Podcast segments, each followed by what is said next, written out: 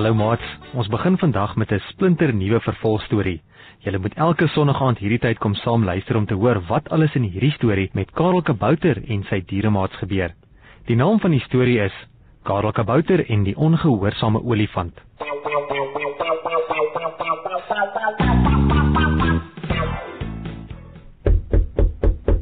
Word daar op die deur van Karel Kabouter se paddastoelhuisie geklop.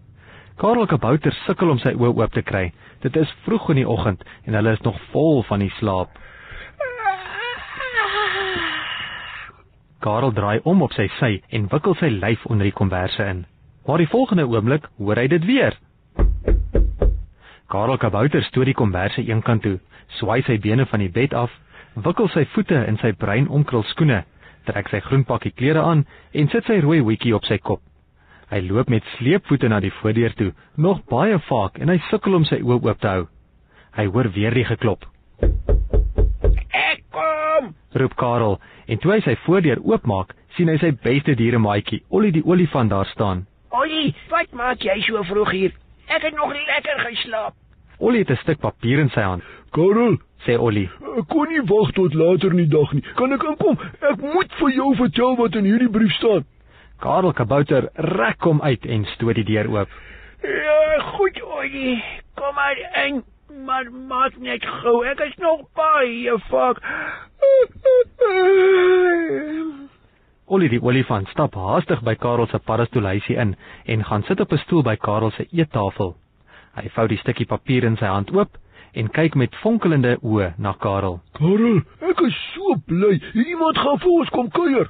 Karel Kabouter gaan sit op 'n stoel langs Ollie en gee so 'n lang gaap.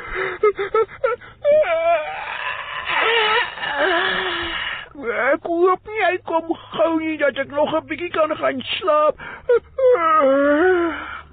Ollie die olifant waai die brief voor Karel se oë. Karel, los die geslaapery nou eers uit. Kyk, hier in die brief staan dat my neefie vir ons kom kuier. Nou is Karel waarwyd wakker. Hy vryf die slaap uit sy oë. Ek het nie geweet dat jy 'n neefie het nie, Ollie. My neefie se naam is Bakoor. My tannie Flapoor olifant het geskryf dat Bakoor 'n paar dae lank vir ons gaan kom kuier. Kyk, hier is die brief. Lees dit self. Karel Kabouter neem die brief wat Ollie vir hom gegee het en hy lees toe.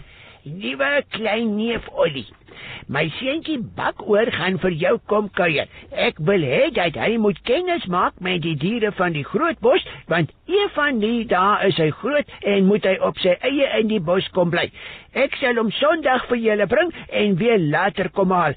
Liefde van jou tannie Flapoor. Karel Kabouter vou die brief toe en gee dit vir Ollie terug.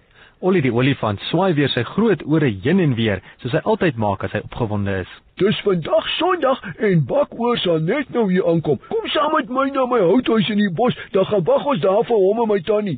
Karel Kabouter staan dadelik van die stoel op en stap na die voordeur van sy huis toe. Goed Ollie, laat ons dadelik gaan. Ollie spring ook op van die stoel waarop hy gesit het en daar hardloop die twee maats al met die bospaadjie af na Ollie die olifant se houthuis. En so ver as wat hulle hardloop, sing Karel sy kabouterliedjie. Ek is skade kabouter en ek woon in 'n paddastoelhuis. Voor enige ding kan ek louter en by diere maak is ek la la la la la. Ollie die olifant is ook baie bly en opgewonde oor sy neefie wat kom kuier, dat hy ook lus is vir sin. Ek is Ollie die olifant, ek bly in 'n houthuisie. Ek het 'n groot lang slurp en weerskante 'n sterk betand. Ja, ek is Ollie die olifant. Karel sit sy hand voor sy mond om nie te lag vir Ollie nie, want hy sing maar baie vals. Dit is nie hoe te lank nie of Karel en Ollie kom by Ollie se houthuis in die bos aan. Vinnig help Karel vir Ollie om die kamer reg te maak waarin Bakoor gaan bly. Toe hulle klaar is, stap hulle uit na buite, Kom Karel, sê Ollie. ons sit sommer hier op die stoep en wag vir my tannie Flapoor olifant om vir Bakoor te bring. Karel en Ollie het nie te lank gewag nie of hulle hoor voetstappe aankom.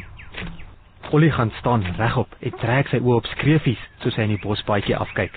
Karel, Sê hy: Ek is seker dis tannie Flapoor en Bakoor wat ons daaroor aankom. Kom ons gaan wag vir hulle daar voor by daai bome sodat hulle nie verby my huis loop nie. Karel sien hoe opgewonde Ollie is. Goed Ollie, Sê hy: ek kan nie wag om vir Bakoor te ontmoet nie. Saam stap Karel Kabouter en Ollie die olifant na die groot bome, 'n entjie van Ollie se houthuis af. Die twee maats was skaars daar of om die draai kom tannie Flapoor, Ollie se tannie aangestap, maar sy is heeltemal alleen. Ollie die olifant se groot olifantore hoor van ver af hoe dit tannie Flapoor huil. Karel Kabouter kyk met groot oë na Ollie. Ollie, wat is fout met tannie Flapoor? Hoekom hy sy so? En waar is jou neefie? Ollie skud sy kop. Ek weet ook nie, Karel. Kom ons stap nader en hoor wat my keer. Toe tannie Flapoor vir Ollie en Karel sien, huil sy eers.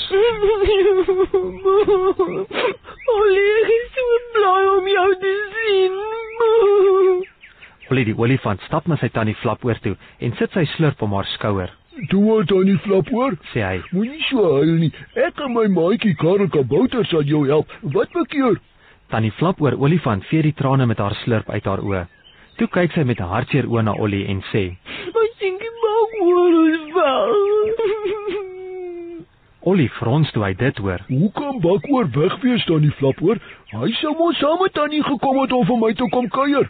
Tannie Flapoor olifant blaas haar slurpneus en sê met 'n bewerige stem, My seentjie maak hoor is baie sout en hy luister nie as ek met hom praat nie.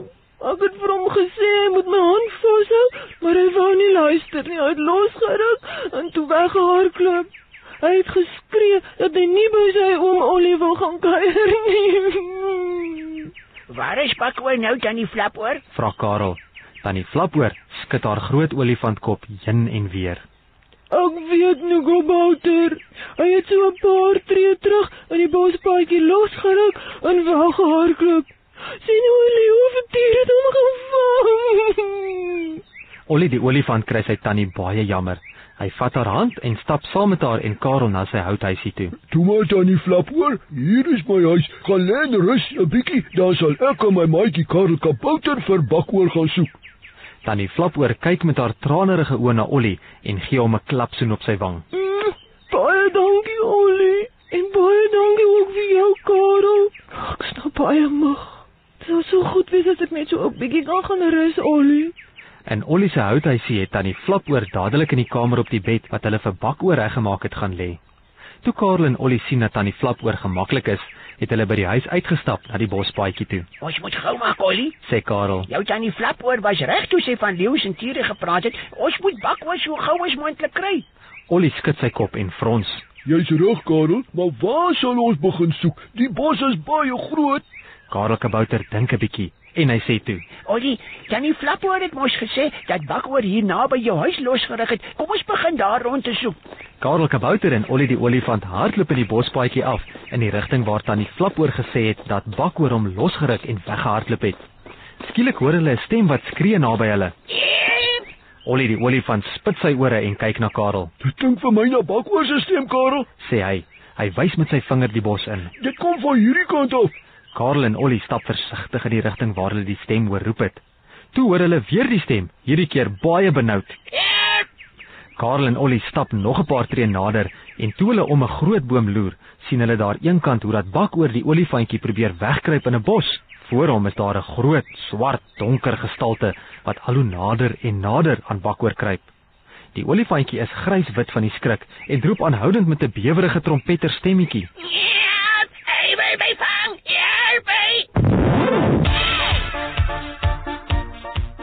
Wat is dit wat op Bakoor die olifant afsluit? Sal Karel en Ollie hom kan help? Kom luister volgende week verder na Karel Kabouter en die ongehoorsame olifant.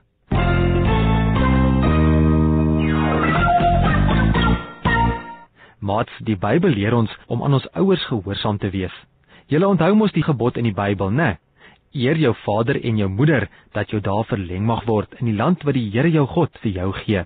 Dit beteken dat as mamma of pappa of oupa of ouma vir my iets sê om te doen, dan moet ek dit doen. Want as ek en jy gehoorsaam is aan ons ouers, sê die Bybel, sal die Here ons lank laat lewe en sal hy bly wees oor ons lewens. Tot volgende Sondag dieselfde tyd hier op RSG. Totsiens.